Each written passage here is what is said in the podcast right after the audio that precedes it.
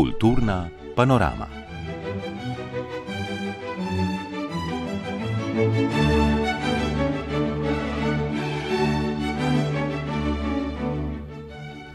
Cenjene poslušalke, cenjeni poslušalci, v zadnji oddaji meseca maja, ko je pri nas kulturno-umetniško dogajanje na vrhuncu, bomo v kulturni panorami najprej odšli na 27. bienale oblikovanja Bio Ljubljana, potem bomo predstavili nagrajence Plečnikove nagrade in Plečnikovih priznanj, razkrili, kdo je prejemnik letošnje nagrade Desetnica, se sprehodili po razstavi Fotografija kot življenjska izbira, obiskali 16. mednarodni festival Svetlobna Gverila in se ozrli v program 57. festivala Boršnikovo srečanje, ki se pričenja prihodnji teden.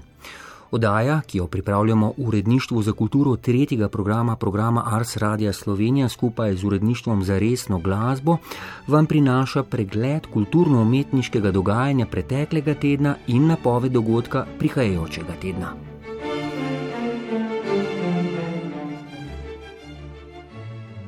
V Muzeju za arhitekturo in oblikovanje in na drugih prizoriščih po Ljubljani se je ta teden začel že 27. bienale oblikovanja Bio Ljubljana, najstarejši to vrstni bienale v Evropi.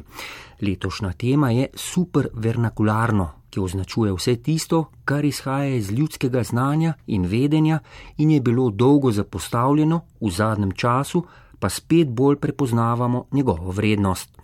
Bienale, ki bo trajal do konca septembra, predstavlja Miha Žorž. Glavni poudarek letošnjega bienala je prehod v trajnostno arhitekturo in oblikovanje, kar smo v 20. stoletju s pospešeno industrializacijo povsem zanemarili. Dr. Bogo Zupančič, direktor Muzeja za arhitekturo in oblikovanje.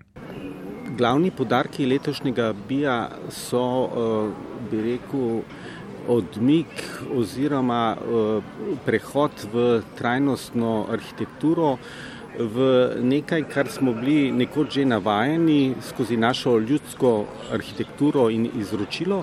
Medtem smo pogotovili, da so tehnologije izredno napredovale, da smo 20. stoletje pravzaprav živeli v nekem industrijskem eh, svetu, ki je multipliciral ne samo eh, dobičke, ampak tudi predmete in da je ta predmetni svet, ta urbanizacija, ki smo jo pravzaprav ustvarili v 20. stoletju, da je to življenje, ta način, ta pristop neuzdržen.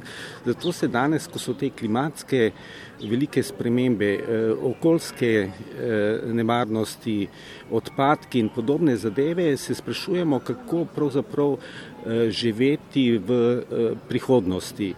Globalne podnebne spremembe, pomankanje surovin, draženje energentov in družbena neenakost. Vse našteto kliče po neki novi paradigmi.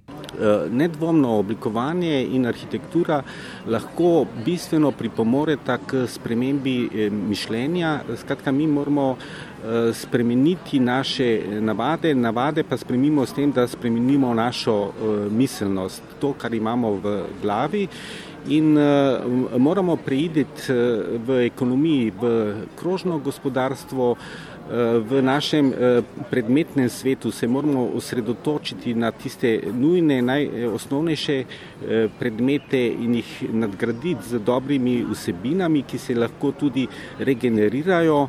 Eh, in tudi v arhitekturi moramo misliti bolj in več o prenovah, ne pa o novogradnjah, kajti v svet je že pozidan, neverjetno veliko betona je, ki je oglično nesprejemljiv in moramo razmišljati o pre, prenovah kot nosilcih naše identitete, hkrati pa tudi spomina. Čeprav v kulturi oblikovanja termin vernakularno običajno povezujemo s tradicionalno arhitekturo in oblikovalskimi praksami, je pristop, na katerem temeli supervernakularno, vse prej kot nazadnjaški ali regresiven. Ta filozofija in gibanje izhajata iz presečišča inovacij, antropologije in ekologije, ki se krepita okoli nje, na vse večjem priznavanju vrednosti tradicionalnega ekološkega znanja kot navdih za sodobne oblikovalske kulture in predrugačenje škodljivih sistemov vrednot. To je misel Jane Withers, kustosinje letošnjega bienala. Kot pravi, sta oblikovanje in arhitektura tista segmenta naše družbe, ki lahko najbolj neposredno ponudita nove in napredne rešitve. Well, I think everybody has to take responsibility in the design industry for saying it's not. Vsi moramo sprejeti odgovornost, tudi v oblikovalski stroki. Od naročnikov moramo zahtevati, da spoznajo resnost klimatskih sprememb in jim predstaviti dobre prakse in alternative, ki jih morajo resno premisliti. Je pa to težka naloga, saj zahteva miselni napor in odklon od tega, kar poznamo in česar smo navajeni. V arhitekturi, na primer, se še vedno preveč zanašamo na beton, jeklo, steklo in podobne materijale, ki so oglično neuzdržni. In ravno zato moramo spodbujati nove rešitve in predlagati uporabo naravnih materijalov. To so tisti pravi signali, s katerimi sporočamo, da se da drugače, da so alternative na dosegu roke. Vsi se moramo potruditi, da se te možnosti uresničijo. Positive signs of change, and we just have to be hopeful, drive, you know, and all do what we can to make these possibilities realities, really. Kot še pravi Jane Withers, te ideje v zadnjih letih pridobivajo zagon in so se združile v ambiciozno gibanje.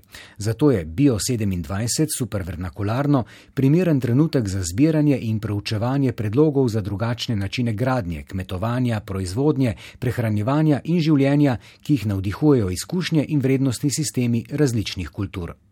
Well, I mean, you know, obviously part of sustainability is social justice. Del vzdržnosti je tudi socialna pravičnost in seveda ne more obstajati brez ljudi in skupnosti in njihovega sodelovanja.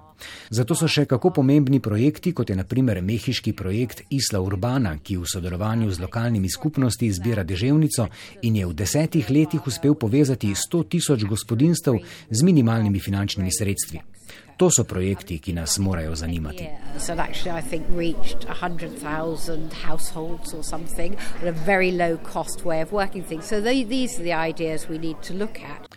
Supervernakularno nas na nek način vrača k tradiciji in izročilu, ki pa jo moramo nadgraditi z ustreznimi sodobnimi tehnologijami in inovativnostjo. Ob tem pa pomeni tudi vračanje k skupnosti, ki naj sodeluje pri iskanju rešitev za trajnostne oblike bivanja. Bogo Zupančič. Tako da bomo z temi predmeti, urbanizacijo, arhitekturo lahko vplivali tudi na uh, življenje slehrnika na tem svetu in s tem tudi pomagali izboljšati uh, svet, naše klimatske razmere, naše okolje, naše medsebojne odnose. Supervernakularno gradi tudi na skupnosti, na sodelovanju. To so zelo pomembne stvari v tem trenutku in v tem smislu je Bienale, bi rekel, prelomnica Muzeja za arhitekturo in oblikovanje. Raziskovalni, interdisciplinarni in medkulturni projekt Supervernakularno ni običajna razstava oblikovanja in arhitekture. Zamišljen je kot kabinet čudes, zbirka zgodb pripovedovanih skozi študije primerov, ki razkrivajo, kako lahko te zamisli postanejo izhodišče za sodobne inovacije. Na ogled so projekti z različnih koncev sveta, ki naznanjajo novo generacijo oblikovalk in oblikovalcev ter naslavljajo novo generacijo, ki si bo drznila sooblikovati pravičnejšo prihodnost.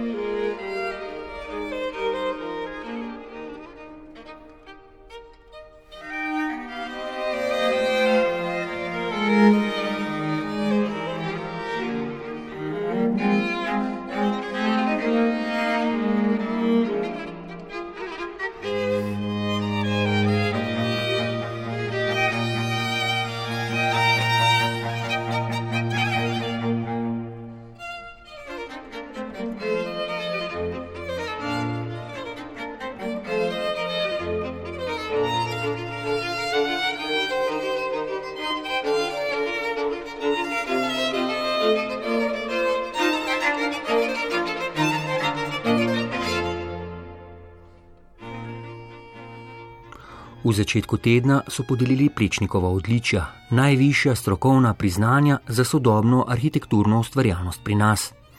Velika večina nagrajenih in nominiranih realizacij je letos področja prenove, to pa po mnenju žirije kaže na visoko zavest o pomenu dediščine za kulturno identiteto nekega prostora. Osrednje priznanje, Plečnikovo nagrado, sta prejeli prenova srednjeveške strukture in dozidava galerijskega prostora v Dunajskem novem mestu, ki jo podpisujejo Matija Belk, Vasa Perovič in Johannes Par. Prispevek Ize Pevec. V evropskih državah se delež gradbenih dejavnosti vezanih na obstoječ stavbni fond povečuje in tudi na letošnjem razpisu za plečnikova odličja je kar deset med 14 prijavljenimi aktualnimi realizacijami bilo povezanih s prenovo. Tako preberemo v poročilu strokovne žirije ter še, da prenova ni vezana le na ohranjanje kulturne dediščine, temveč sodeluje tudi pri trajnostnem razvoju. Matija Belk, soavtor projekta, ki je prejel plečnikovo nagrado, podobno meni, da je opazen premik v razmisleku o pomenu prenov. Dejansko je zelo neracionalno vsakeč ponovno zjeti in vsakeč začeti znova, predvsem pa uh, manjka tisto, kar v bistvu je na nek način kvaliteta dejansko vsega evropskega prostora. To je neko stalno prenavljanje, presnavljanje uh, historičnega tkiva in obnavljanje. In skozi to obnovo dejansko stvari lahko živijo in ne propadajo. Objekti propadajo, če se jih ne uporablja. Če pa ti najdeš primerno uporabo in če se to naredi skozi nek dialog v družbi, to pomeni seveda med uporabniki, med meščani, med ljudmi, ampak tudi za strokovnimi službami, kot so recimo arheologija, spomniško varstvo in arhitektura, se pa dejansko ti historični objekti in prostori lahko aktivno uporabijo in tudi postane del nekega mestnega življenja. Jaz mislim, da je mogoče dejansko tudi plečnik eden najboljših primerov v seveda ne sodobne arhitekture, ampak arhitekture iz neke popretekle zgodovine, ki je dejansko se prav s tem ukvarjala na en zelo življenski, hkrati radikalen način, ampak hkrati tudi spoštljiv do zgodovinskega tkiva. In, in to, je v bistvu, to je v bistvu zelo dobro. Ne? Novo galerijo in kazemate v Dunajskem novem mestu odlikuje izjemna umestitev v prostor, dosledno izpričan odnos med historično strukturo in novimi arhitekturnimi intervencijami, skoraj čarobno vzdušje notranjega prostora in vrhunska izvedba. To je arhitektura, ki na spoštljiv način vzpostavi dialog z obstoječimi historičnimi strukturami, hkrati pa se ne boji uporabe novih materialov, konstrukcij in drugih sredstev, ki nekdaj zapuščenim zidovom zagotovijo novo življenje. Tako preberemo projektu, izhodišče katerega so bili ostanki nekdanjega srednjeveškega skladišča orožja. Matija Belk je povedal, da se je projekt hitro odvil, zato je bilo tekom procesa še veliko odkrivanja, sodelovali pa so tudi z arheologi in spomeniškim varstvom. In mi smo poskušali te stvari uporabiti v tem čim bolj osnovnem, v bistvu nekem izhodišču, pa čim bolj neki osnovni strukturi, izbrskati in ponovno odkriti nek, te nekdanje prostore, ki so bili prezidani, dodani, zasuti in tako naprej. In nove intervencije so služile predvsem temu, da vse skupaj povežejo, da v bistvu omogočijo v bistvu percepcijo tega prostora da vzpostavijo nove funkcije, nove tehnične uh, zahteve, kot so prezračevanje, osvetlitev in tako naprej, ampak hkrati tudi, da zelo jasno artikulirajo. Vse nove stvari so bile izdelane v sodobnem materialu, v betonu, vse, kar je bilo staro, to so bili kamniti zidovi, opečni zidovi, se, se je ohranilo, restauriralo.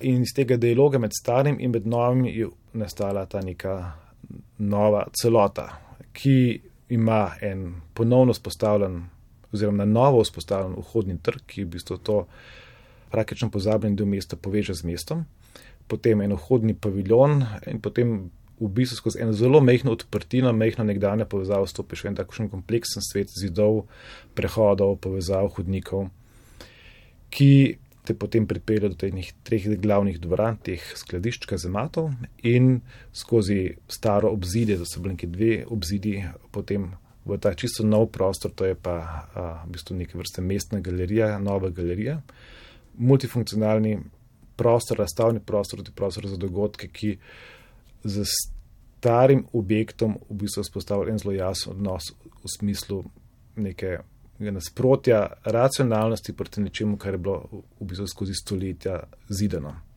In se potem odpre v, v park, v parkovno površino. Tako da ta odnos med starim in med novim, ta dialog je bila mogoče ključna stvar, ki nas je dejansko zanimala. Pa povezavo mesto, kako se to z, ponovno z mestom poveže. Ustvarjali so izredno izčiščen svetov prostor, ki pa tudi z barnimi odnosi pripoveduje o razmerju med starim in novim.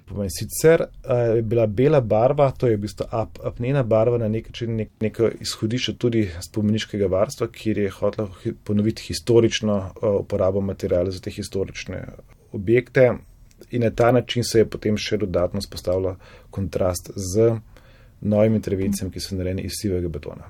Izkoristili so tudi manjšo ulično vrzel pred ostanki nekdanje trdnjave in oblikovali vhodno ploščad, ki deluje kot mestni trg. To je bil inštrument priključitve tega obrobnega, obrobne situacije mestu in vzpostavitev nove javne površine je izjemno pomembna, ker ne samo, da naredi prostor pri hišo, ker se ti lahko seveda zadržuješ, ker so lahko razno razni dogodki, recimo tukaj je bilo mišljeno, da se to lahko uporablja za letno kino, za sejme, ampak predvsem vzpostavi nek novi prostor percepcije v mestu.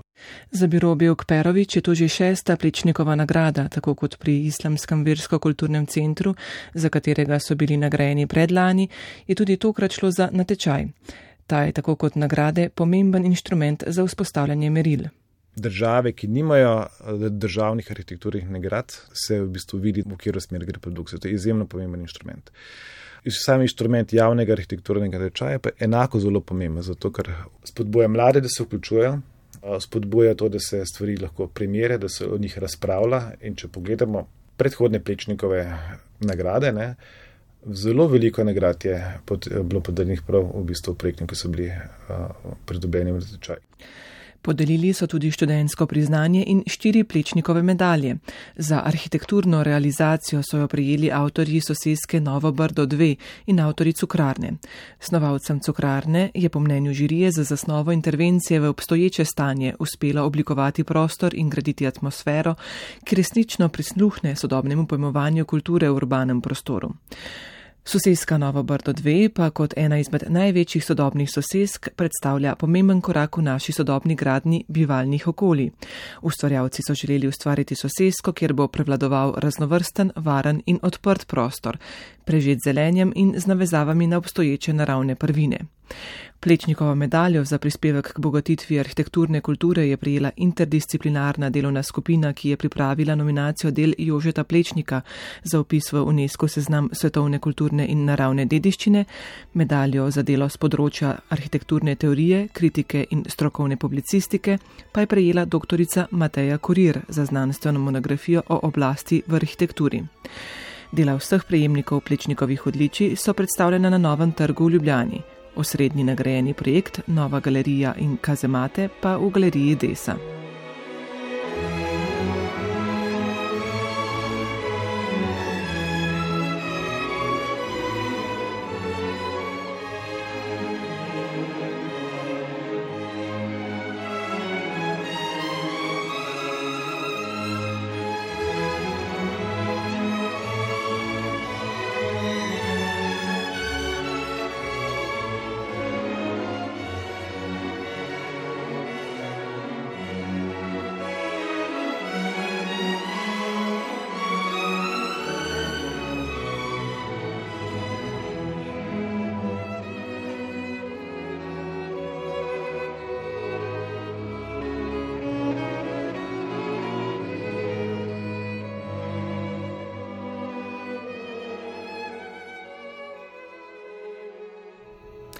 Desetnica je nagrada za otroško in mladinsko književnost, ki jo Društvo slovenskih pisateljev podeljuje za uveljavljanje izvirnega otroškega in mladinskega leposlovja. Nagrada se podeljuje za obdobje zadnjih treh let, v katerem se je na področju mladinske in otroške izvirne slovenske literature nabralo kar 1065 del. Nominacijo pa si je prislužilo šest pisateljic in štirje pisatelji. Desetnico sta v četrtek, 26. maja, podelila predsednica žirija Ksinja Kermauner ter predsednik omenjenega društva Dušan Merc. Več o nagradi in nagrajenki pa Gaš Prestražišar. Nagrada Desetnica pomembno prispeva k uveljavljanju sodobne slovenske otroške in mladinske literature v slovenskem in tudi v mednarodnem prostoru. Aksinija Kermauner. Ja, mladinska, otroška mladinska književnost je kar zapostavljena in zato smo se odločili pred kar nekaj leti že nazaj, da bi ustanovili tudi nagrado, ki bi bila pa namenjena samo članom Društva slovenskih pisateljev in sicer za otroške in mladinska dela. To se je kar dobro prijelo in se mi zdi zelo pomembno, da jih izbiramo deset. Teh deset je več ali manj enakovrednih. Res eh, lahko rečemo cvetobir otroške in mladinske eh, literature. Eh, eden pa seveda dobi nagrado, samo že nominacija je ogromna in mislim, da je potrebno tudi na ta način promovirati otroško in mladinsko književnost. Vsa dela, ki kandidirajo za nagrado desetnica, morajo napisati člani Društva slovenskih pisateljev. To je eden od kriterijev zapisanih v statutu o nagradi. Tega in vse ostale pa je letos izpolnjevalo kar 106 knjig. Tudi letošnji izbor del je pripravila doktorica Dragica Haramija, med njimi pa je petčlanska komisija v sestavi Aksinija Kermauner, Jana Bauer, Igor Bratoš, Majda Koren in Magdalena Svetina Trčon izbrala deset nominirancev. Eh, mi smo dobili pravzaprav eh, te knjige, na kar smo se odločili za deset knjig. Nismo jih nič točkovali, samo deset izbrali eh, in nekako se je skristaliziralo potem deset, deset del, ki smo jih pa potem točkovali. Od ena do deset in tista knjiga, ki je dobila največ točk, je bila zmagovalka. Po izboru komisije so najboljša dela letos napisali Jure Jakob, Neli K. Filipčič, Nataša Konc Lorencuti, Miroslav Košuta, Vinko Medrendorfer, Maša Ogrizek, Sebastian Pregel, Simona Semenič in Cvetka Sokolov.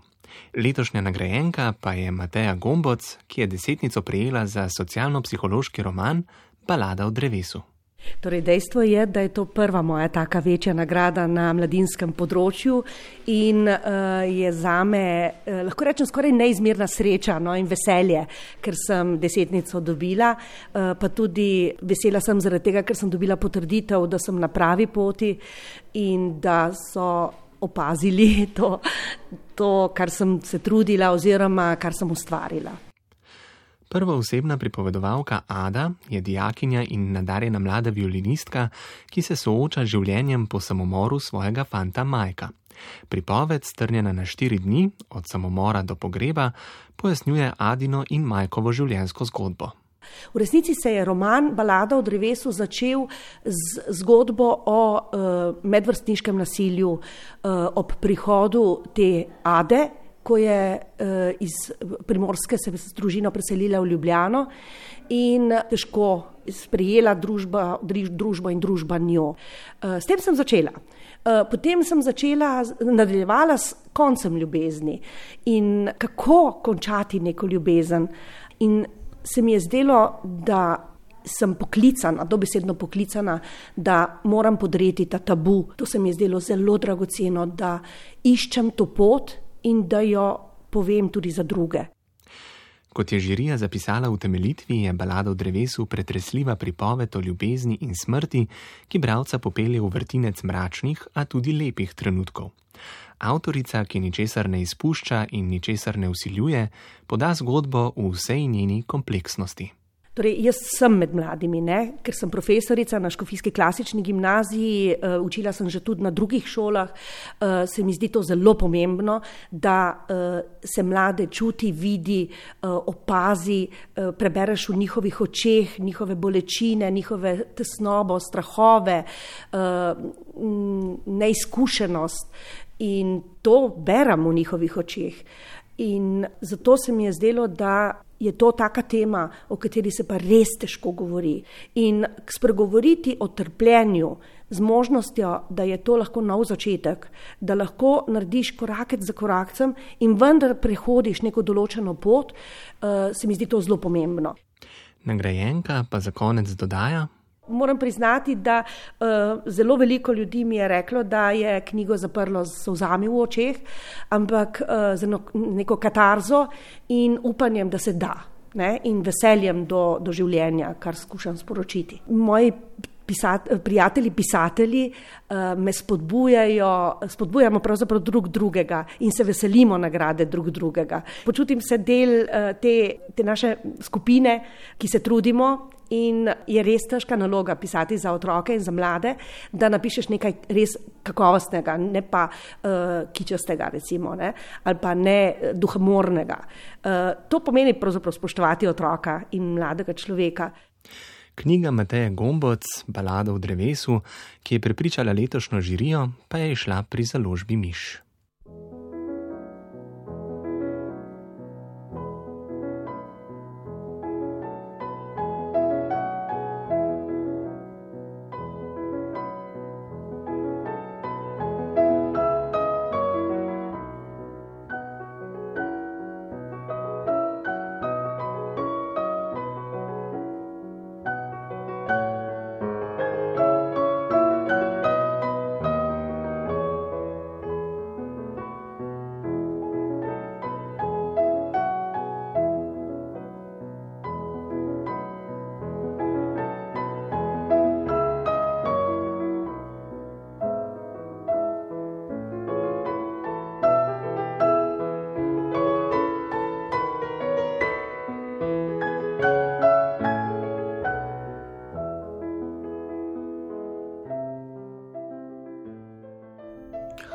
Torek smo pri nas dobili priložnost, da si ogledamo okoli 300 fotografij iz opusa pred dobrim mesecem preminule italijanske fotografinje Leticije Batalja, sicer znane po fotografiranju mafije. Gre za njeno prvo posthumno razstavo z naslovom Fotografija kot življenjska izbira, ki je postavljena v Ljubljanski galeriji Jakopič. Ogledal si jo je Goran Teze. Mislim, da fotografija vsebuje celo poljube, ki smo jih dali in ki smo jih prejeli. Pri fotografiranju se razkriva življenje, ki smo ga živeli. Vse to je v eni sami fotografiji, če je dovolj dobra. To je nekje zapisala Leticija Batalja, ki je pravzaprav hotela priti na to ljubljansko razstavo z naslovom Fotografija kot življenjska izbira, pa je to 13. aprila letos preprečila tista skoso v roki. Kako se je zbor fotografij v starodavnem Palermu leta 1935 rojene Sicilijanke znašel na tej razstavi? Vodja galerije Jakopič, dr. Marija Skočer. Šlo je dejansko zato, da sem želela predstaviti uh, Leticijo Batalijo kot žensko, kot osebo in kot fotografinjo. Vemo, da je v fotografiji ženska prisotnost dosti manjša od moške. In Leticija je pravzaprav ženska, ki je uh, živela fotografijo, ki je skozi svojo fotografijo pokazala, da fotografija ima družbeno moč, da je čudovito, učinkovito orodje določenih izjav v družbi. Tako da je do te razstave dejansko prišlo iz moje profesionalne želje oziroma v smislu želje galerijskega programa. In na ta način sem seveda eh, zaprosila kolege iz galerije Treoči, ki so producenti razstave in so to razstavo pripravili leta 2019.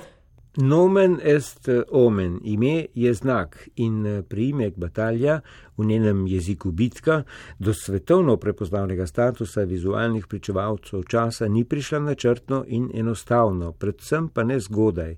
Najbolj je postala znana v 70. in 80. z bližnjimi posnetki žrtev mafije v njenem rodnem Palermu. Na razstavi vidimo fotografijo sedanjega predsednika republike Matarelja, ki v rokah drži ubitega s krvjo oblitega brata Pier Santija, takratnega visokega politika na Siciliji. Kasneje je snimala neprivilegirane obrobneže, skratka temno plat Italije, kar jim mnogi niso odpustili. Prva postavitev te razstave v Benetkah je kurirala Francesca Alfano Miljeti, ki predava na sloviti Milanski akademiji Brera. O Leticiji pravi, da je bila ženska, ki vole sapere in che mondo vive, ki hoče vedeti, v kakšnem svetu živi, kdo so osebe, ki jo obkrožajo in ne zapira oči. Saj, kar mene zadeva, če obstaja funkcija, ki jo umetnost ima, je, da nam ne zapira, temveč odpira oči in nas ozavesti. Godar je nekje izrekel zelo lepo misel o kinu, ki gre takole.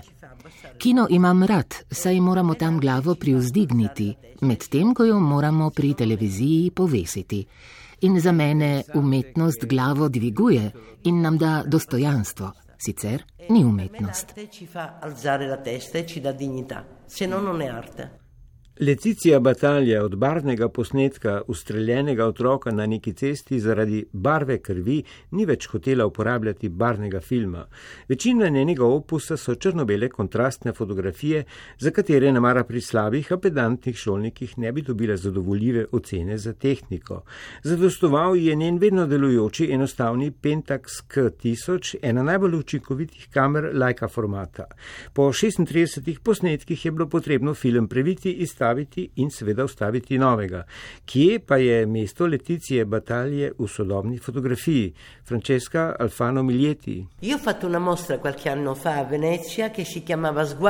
Pred nekaj leti sem v Benetkah pripravila razstavo, ki se je imenovala Pogled ženske od Dajen Arbus do Leticije batalje. Fotografinje, ki sem jih bila izbrala, so se vse odločile gledati na poseben način. Dajen Airbus je izhajala iz uglajenega sveta mode, iz revije Vogue, njena družina se je ukvarjala s krznom in modnimi pistami. Ona pa se je namesto tega posebej odločila za pogled na svet nakaz pokvečancev, na svet nudističnih kempov. Začela je torej gledati določeno vrsto neizbrane realnosti, ki je sicer ne vidimo nikoli. Kuratorica iz Akademije Brera je razlago dopolnila. La fotografia di Letizia, a differenza però di quella di eh, Fotografija Leticije je za razliko od fotografije Dajen Arbus ta, da se je slednja svet nakaz odločila pokazati. Leticija pa svojega ni izbrala. Svet, ki se ga je odločila pokazati, je bil svet revnih. Leticija se je odločila pokazati ljudi, ki so precej bolj živahni od sveta spektakla. Na razstavi smo prvič pokazali njene posnetke Romov, revnih petletnih otrok, ki delajo, šestletnih deklic, ki niso nikoli šle v šolo, ki pomivajo krožnike. Žensko, ki je miška pogrizla del prsta in je zaradi utrujenosti niti bolečina ni prebudila. Ko se je, je košček prsta miš že pojedla. Enkrat je vstopila v hišo, kjer je bila mama v posteli z dvema otrokoma in je vprašala: Ma kaj delaš v posteli, saj je dan? In ženska je rekla: Ničesar nimam za jesti in zato ne ustanem. Sem tu, nimam kaj za početi. In to je tisto, kar se je odločila pokazati. Odločila se je pokazati ljudi, ki niti v revščini ne izgubijo dostojanstva ljudi, ki se smejejo, ljudi, ki živijo na pol ilegalno, ampak ne govorimo o svetu izpred sto let, govorimo o danes, o nečem okrog vogala. Gre za to, da mi gremo mimo in da je to na kateri koli periferiji že in tega nočemo videti. Razstava bo odprta do prve polovice oktobra.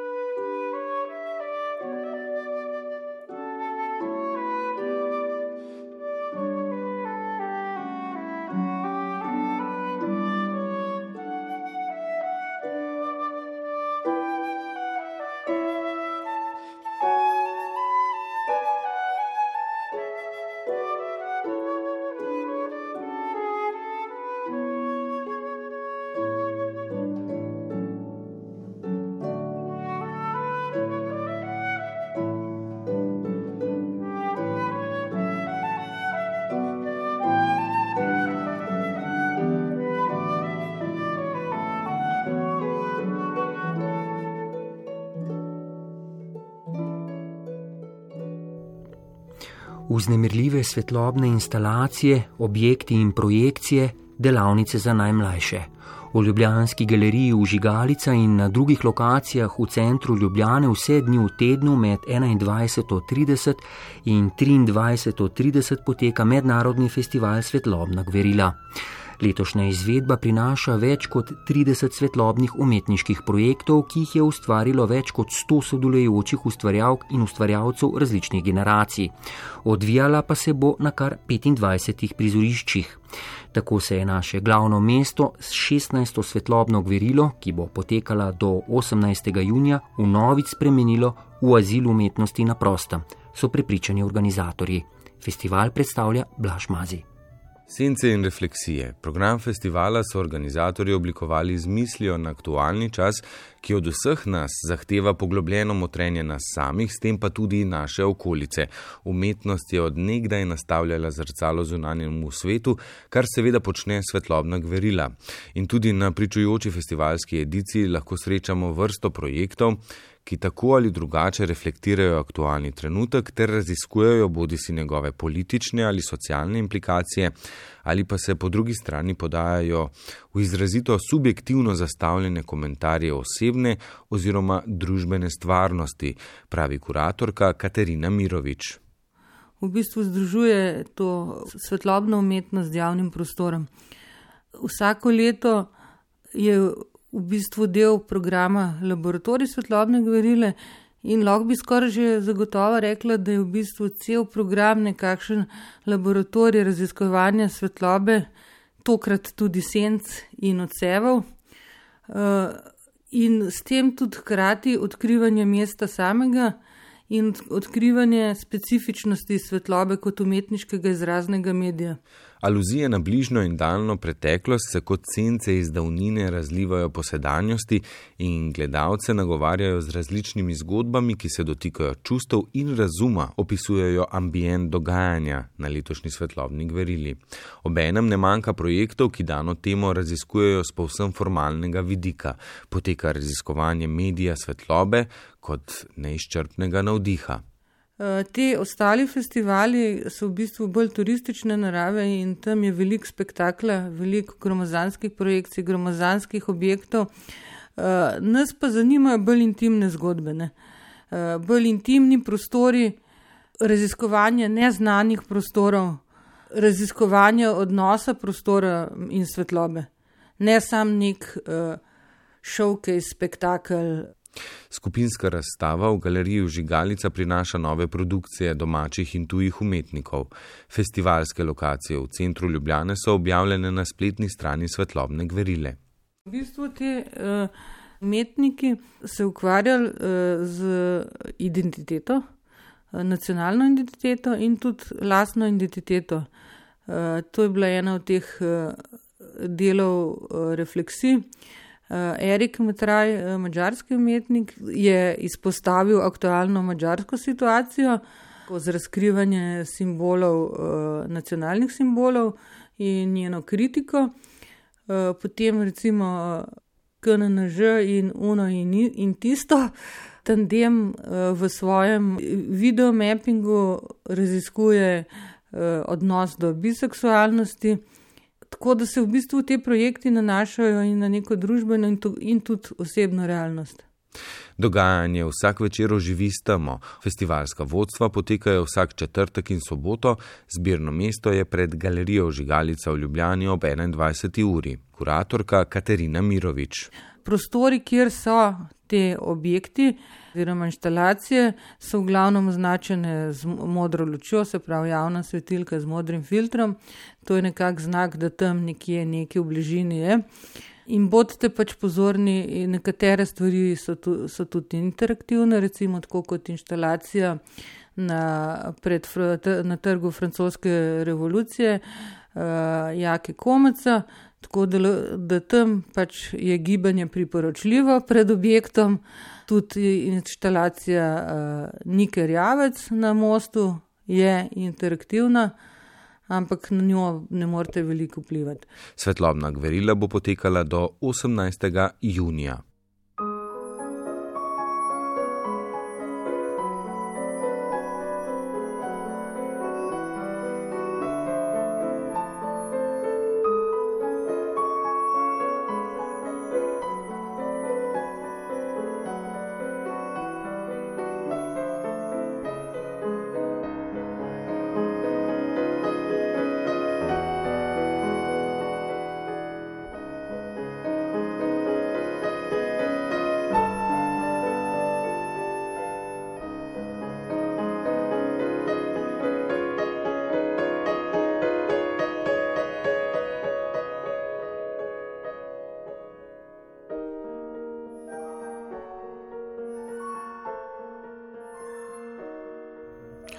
Mariboru se bo v ponedeljek 30. maja s programom Mlado gledališče začel uvodni del 57. festivala Boršnikovo srečanje. Slovesno odprtje osrednjega slovenskega gledališkega festivala, ta bo v tekmovalnem delu ponudil kar 16 najboljših slovenskih oprizoritev, v spremljevalnem pa 13, tudi nekaj tujih, pa bo v petek 3. junija.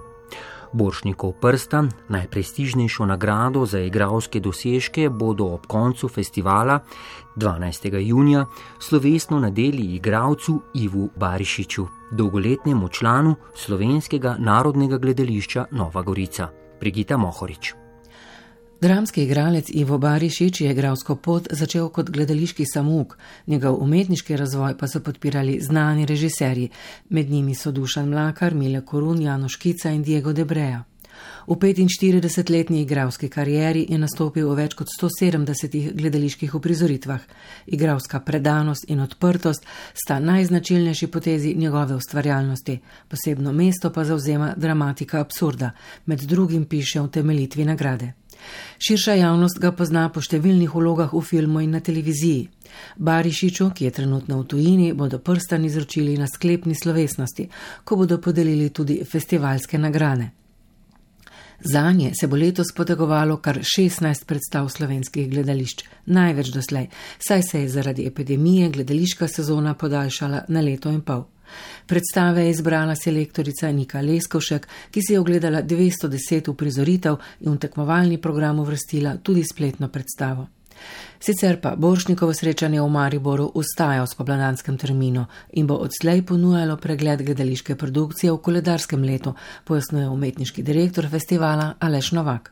To je eh, pregledni festival, ki ponuja v pogled v aktualno stanje slovenske gledališke produkcije z neko mednarodno razsežnostjo in je najustrezneje, da se to zgodi ob koncu gledališke sezone, ko je prvič uh, uh, dinamika dela v slovenskih gledališčih nekoliko že pač manjša, kot je bila oktobra. Oktobrski termin je posegal delovne procese slovenskih gledališčih, to je bilo obdobje druge premjere običajno in je bilo kar zahtevno za organizacijo delovnih procesov v gledališčih.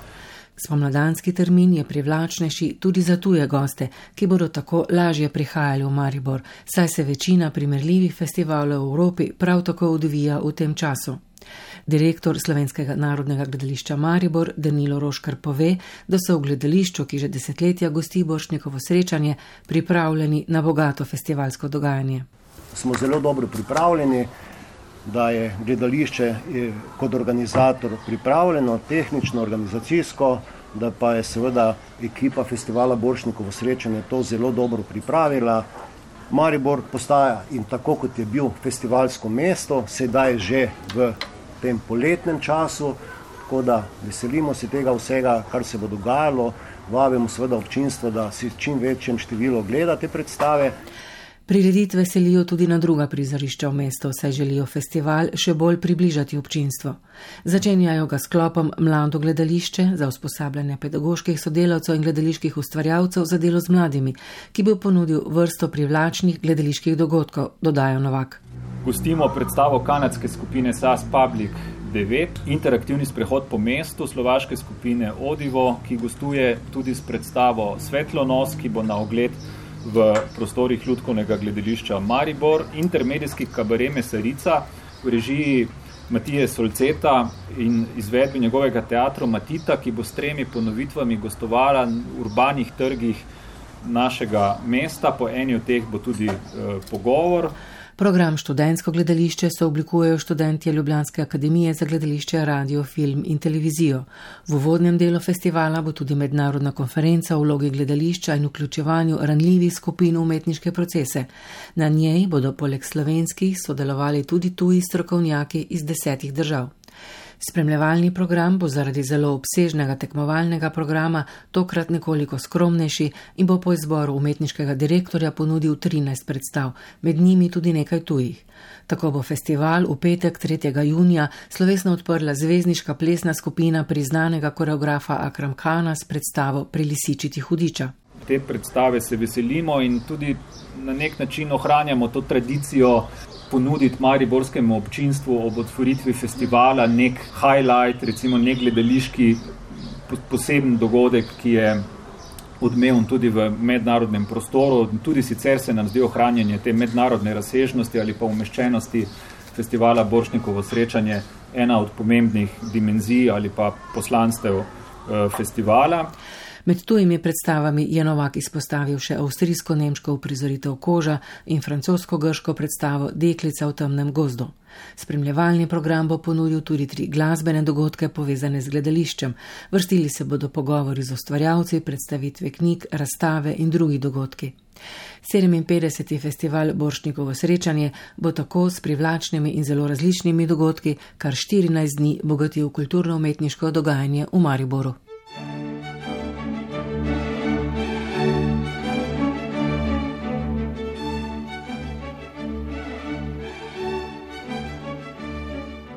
Toliko smo za vas pripravili v tokratni vdaji Kulturna panorama.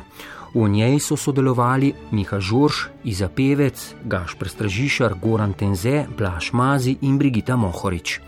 Glasbeno opremo vdaje Tina Ugrin, tehnična izvedba Vekoslav Mikes. Odajo, ki jo lahko poslušate tudi v spletnem arhivu naših oddaj, sem uredil, pripravil in povezoval Gregor Podlogar. Hvala za vašo pozornost, pa lep pozdrav!